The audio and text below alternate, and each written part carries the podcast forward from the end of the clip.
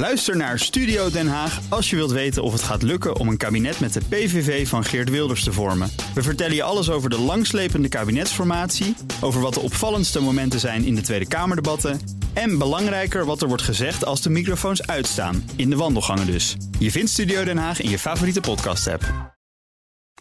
De column van Jaap Jansen. De oogarts van Mark Rutte heeft het druk de laatste tijd. De minister-president heeft namelijk nogal last van visie. En voor visie, zegt de premier altijd, moet je naar de oogarts. Rutte heeft steeds meer visie op de toekomst van Europa. Vorig jaar hield hij daarover een lange toespraak in Berlijn en daarna in Straatsburg. En deze week in Zurich een groot pleidooi voor versterkte Europese samenwerking. Want we moeten, zei Rutte, in deze multipolaire wereld niet naïef zijn.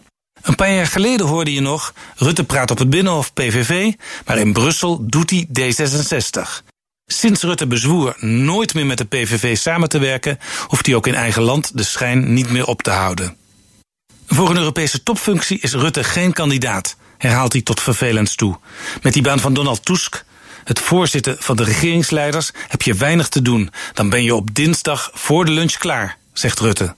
Maar je hoort hem mijmeren. Voorzitter van de commissie, dat is wel een prachtbaan. Om er meteen aan toe te voegen, maar dat kan niet, want we zitten met het vervelende systeem van die spitsenkandidaten.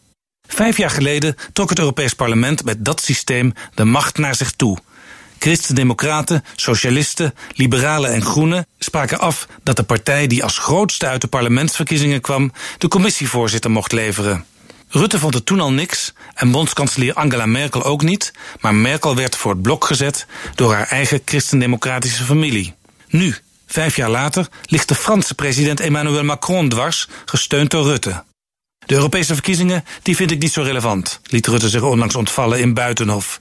De liberalen hebben nog niemand gekandideerd. De christendemocraten schoven hun leider in het Europees parlement, de Duitse Manfred Weber, naar voren en de socialisten de Nederlander Frans Timmermans. In het parlement blijven de Christen-Democraten hoogstwaarschijnlijk de grootste. Maar in de omgeving van Weber groeit twijfel. Steunen de socialisten straks wel echt Weber als het erop aankomt? Of sluiten ze te elfde uren een soort paarse coalitie om de in Europa zeer machtige Christen-Democraten een toontje lager te laten zingen?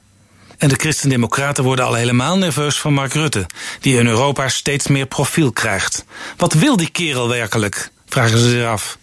Frans Timmermans maakt kans als liberalen en groenen hem steunen. Maar als de boel begint te schuiven, zou Angela Merkel, ingefluisterd door Macron, de steven wel eens kunnen wenden naar haar vriend Mark Rutte.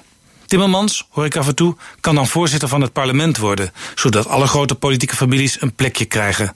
Maar hé, hey, dat gaat niet. Nederland krijgt in die banencarousel geen twee topfuncties. Wat moet Timmermans doen? Als het balletje naar Rutte rolt, heeft hij niets meer. Zo blokkeren ze elkaars kansen. En dat zei Jaap Jansen, onze columnist van donderdag. En u kunt zijn column terugluisteren in onze website bnr.nl en op de BNR-app. En bovendien kunt u daar alle columns vinden en ook alle podcasts.